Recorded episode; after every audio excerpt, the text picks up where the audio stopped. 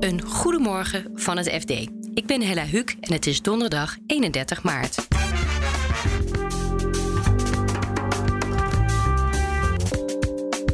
Zowel lokaal als landelijk versplintert de politiek, met gevolgen voor het functioneren van de partijen in de democratie. Als fracties steeds kleiner worden, ze ook eh, minder menskracht hebben eigenlijk om uh, het werk te kunnen doen.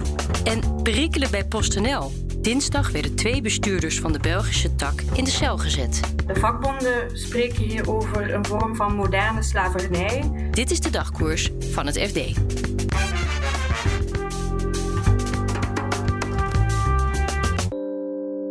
In de Tweede Kamer zijn er sinds kort 20 fracties, het hoogste aantal ooit.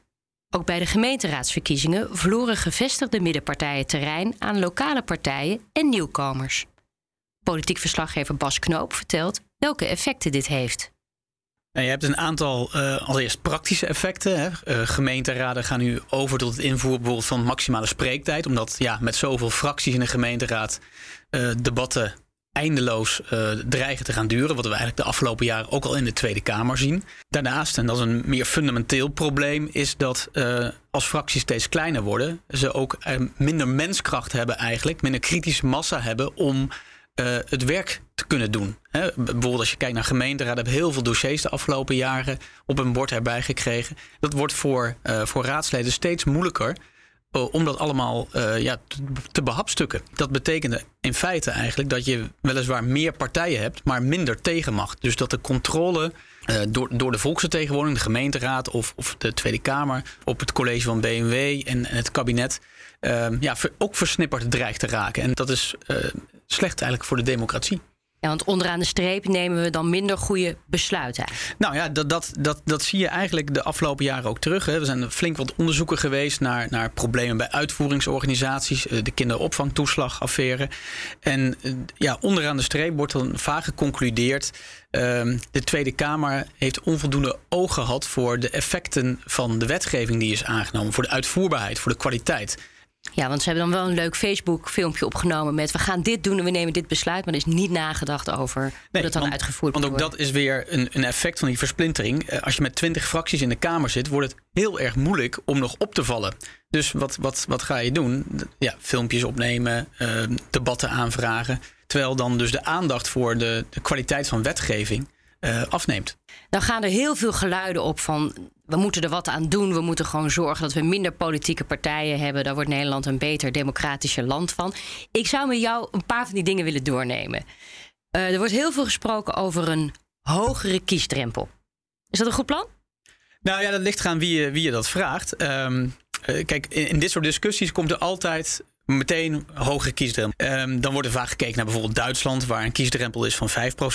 Maar het, het, het echte probleem, hè, ik heb met verschillende, voor, voor dit verhaal met verschillende deskundigen gesproken. Um, en die zeggen eigenlijk het echte probleem is niet zozeer het, het aantal splinters in Nederland, maar de erosie van de traditionele middenpartijen, PvdA, CDA. Doordat zij eigenlijk heel veel aanhang kwijt zijn geraakt de afgelopen jaren, hebben we in Nederland eigenlijk geen enkele grote partij meer. Ja, misschien hè, de VVD zou je nog kunnen zeggen. En dat betekent dus uh, dat we maar zes, zeven middelgrote partijen nog over hebben die het land willen besturen. En als je een kiesdrempel invoert van 5%, uh, ja, dan worden die, hè, zo zei een politicoloog tegen mij, dan worden die dwergen misschien iets groter, maar het blijven dwergen. Je kunt een kiesdrempel, uh, als je het effectief wil invoeren, dan, uh, zo heeft de commissie Remkes onderzocht in 2018, dan, dan zou je het moeten bijvoorbeeld moeten verhogen naar 10%. Hè, dat staat gelijk aan 15 zetels. Dan leidt het verhogen van de kiesdrempel tot echt fundamenteel minder fracties. Dat vind ik wel heel hoog. Vind ik niet passen nou ja, bij onze democratische traditie, waar iedereen eigenlijk kan, iedereen die wil, kan gewoon instappen ja, in ons politieke land. Dat is wat deskundigen ook zeggen als, als belangrijkste argument tegen een hogere kiesdrempel: de evenredigheid van het Nederlandse uh, kiesstelsel.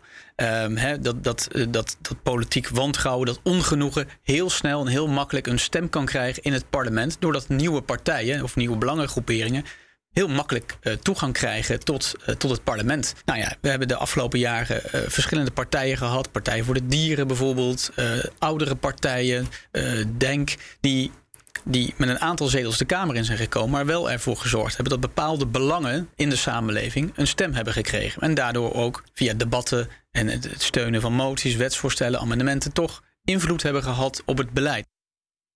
Dus een hogere kiesdrempel heeft echt wel haken en ogen, waar misschien snel overheen gestapt uh, wordt.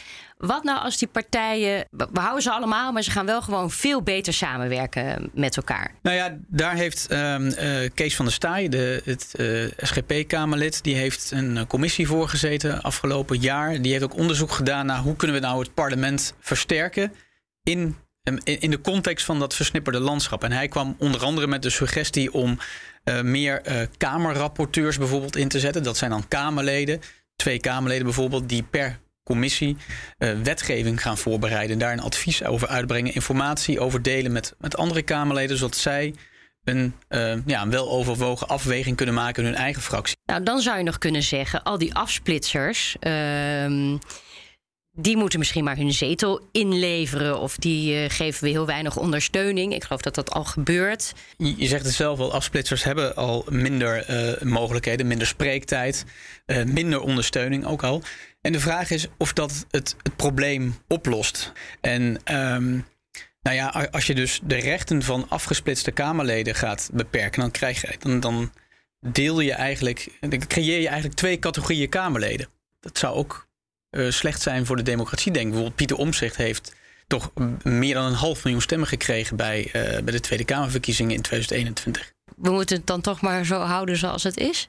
Nou ja, je zou dus. dus um, kijk, er wordt heel veel geklaagd over, over de, eh, de debatcultuur in de Tweede Kamer. De enorme stortvloed aan, aan, aan moties die Kamerleden indienen. Uh, het parlement dat gebruikt wordt als een soort tv-studio. Dat er onvoldoende aandacht is voor kwaliteit en uitvoerbaarheid van wetgeving. Dus um, misschien moet er iets veranderen aan de politieke cultuur. Dat, dat zou denk ik ook helpen. De Kamer moet ook kritisch naar zichzelf kijken.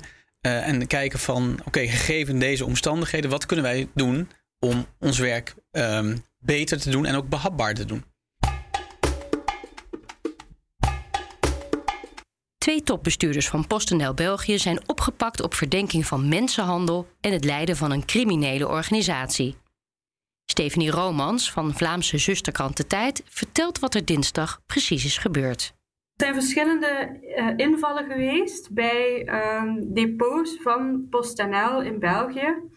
Um, en daarbij zijn verschillende mensen, personeelsleden van PostNL opgepakt, waaronder dus de CEO in België en uh, de operations manager.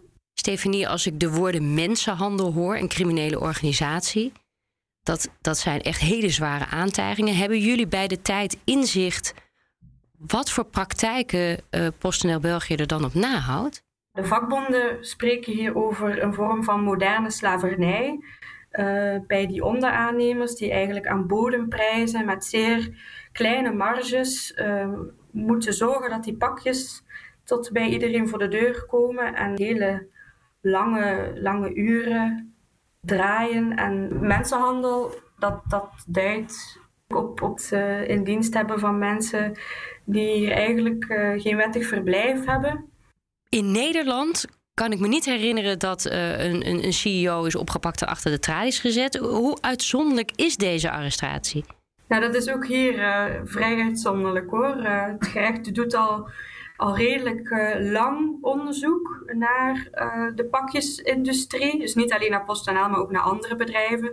Maar dat er een CEO daadwerkelijk wordt opgepakt en in de cel moet blijven, dat is ook hier volstrekt nieuw. Zo elke keer gedonder met PostNL, want het is niet de eerste keer dat de Belgische justitie ingrijpt op de postmarkt.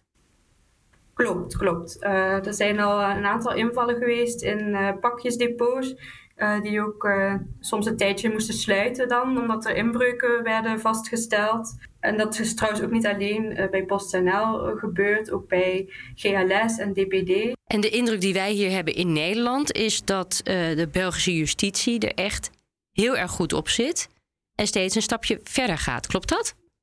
ja, dat, dat klopt in, in zekere zin ook wel. Um, die onderzoeken zijn al jaren geleden begonnen. Uh, en toen ging het telkens over misstanden of inbreuken op sociale wetgeving bij onderaannemers, bij kleine vernootschappen. En gaandeweg is justitie dat eigenlijk structureler gaan onderzoeken. En langzamerhand kom je dan natuurlijk uit bij bedrijven hoger in de keten. En dat eindigt uh, bij bedrijven zoals PostNL. Nou kan ik me wel voorstellen dat PostNL zegt... ja, wij werken met die onderaannemers, weten wij veel. Dat moeten zij dan maar netjes doen. Je, je merkt dat justitie eigenlijk die uitleg van... Uh, het zijn onze onderaannemers en er glippen nu eenmaal wel eens rotte appels uh, hè, door, de, door de mand... Um, justitie aanvaardt die uitleg niet, of dat kan je toch afleiden uit, uit die actie. Eh, van dinsdag. Um, zij zeggen jullie zorgen ervoor dat die onderaannemers in feite niet anders kunnen dan wetten te gaan overtreden, zwart werk te gaan organiseren, te gaan werken met mensen die uh, hier verblijven zonder, uh, zonder de juiste papieren. En, en het is onmogelijk eigenlijk om, om op een goede manier in die pakjessector actief te zijn. Dan, dan ga je er gewoon uit, dan word je eruit geconcurreerd. En hoe gaat deze zaak nu verder? Hoe lang moeten die uh, mannen, uh, want het zijn allemaal mannen, nog, nog vastzitten? Vrijdag volgt er dan een zitting van de raadkamer, zoals dat heet, um, waar uh, wordt beslist of hun, hun voorlopige hechtenis nog verlengd moet worden. het kan zijn dat het Openbaar Ministerie vindt van wel. Um, we weten ook niet zo goed wat de reden is waarom ze nu uh, nog, uh, nog vastzitten. Dat kan zijn omdat, uh, omdat dat van belang is voor het onderzoek. Hè, om bijvoorbeeld nog ervoor te zorgen dat er geen informatie verdwijnt of dat er geen onderling overleg wordt gepleegd. Maar in principe weten we vrijdag of ze nog langer vastzitten of worden vrijgelaten, al dan niet onder bepaalde voorwaarden. En of zij nog langer ja, verdacht worden eigenlijk.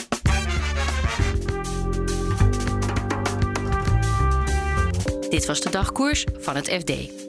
De artikelen over de zaak rond PostNL in België en over de versplintering in de politiek vind je in het FD en natuurlijk op fd.nl. Daar volg je ook het financieel-economische nieuws. Dagkoers volg je in je favoriete podcast-app. En als je ons daar dan vindt, klik dan ook op abonneren. Dan staan we morgenochtend weer voor je klaar. Een hele fijne dag en tot morgen.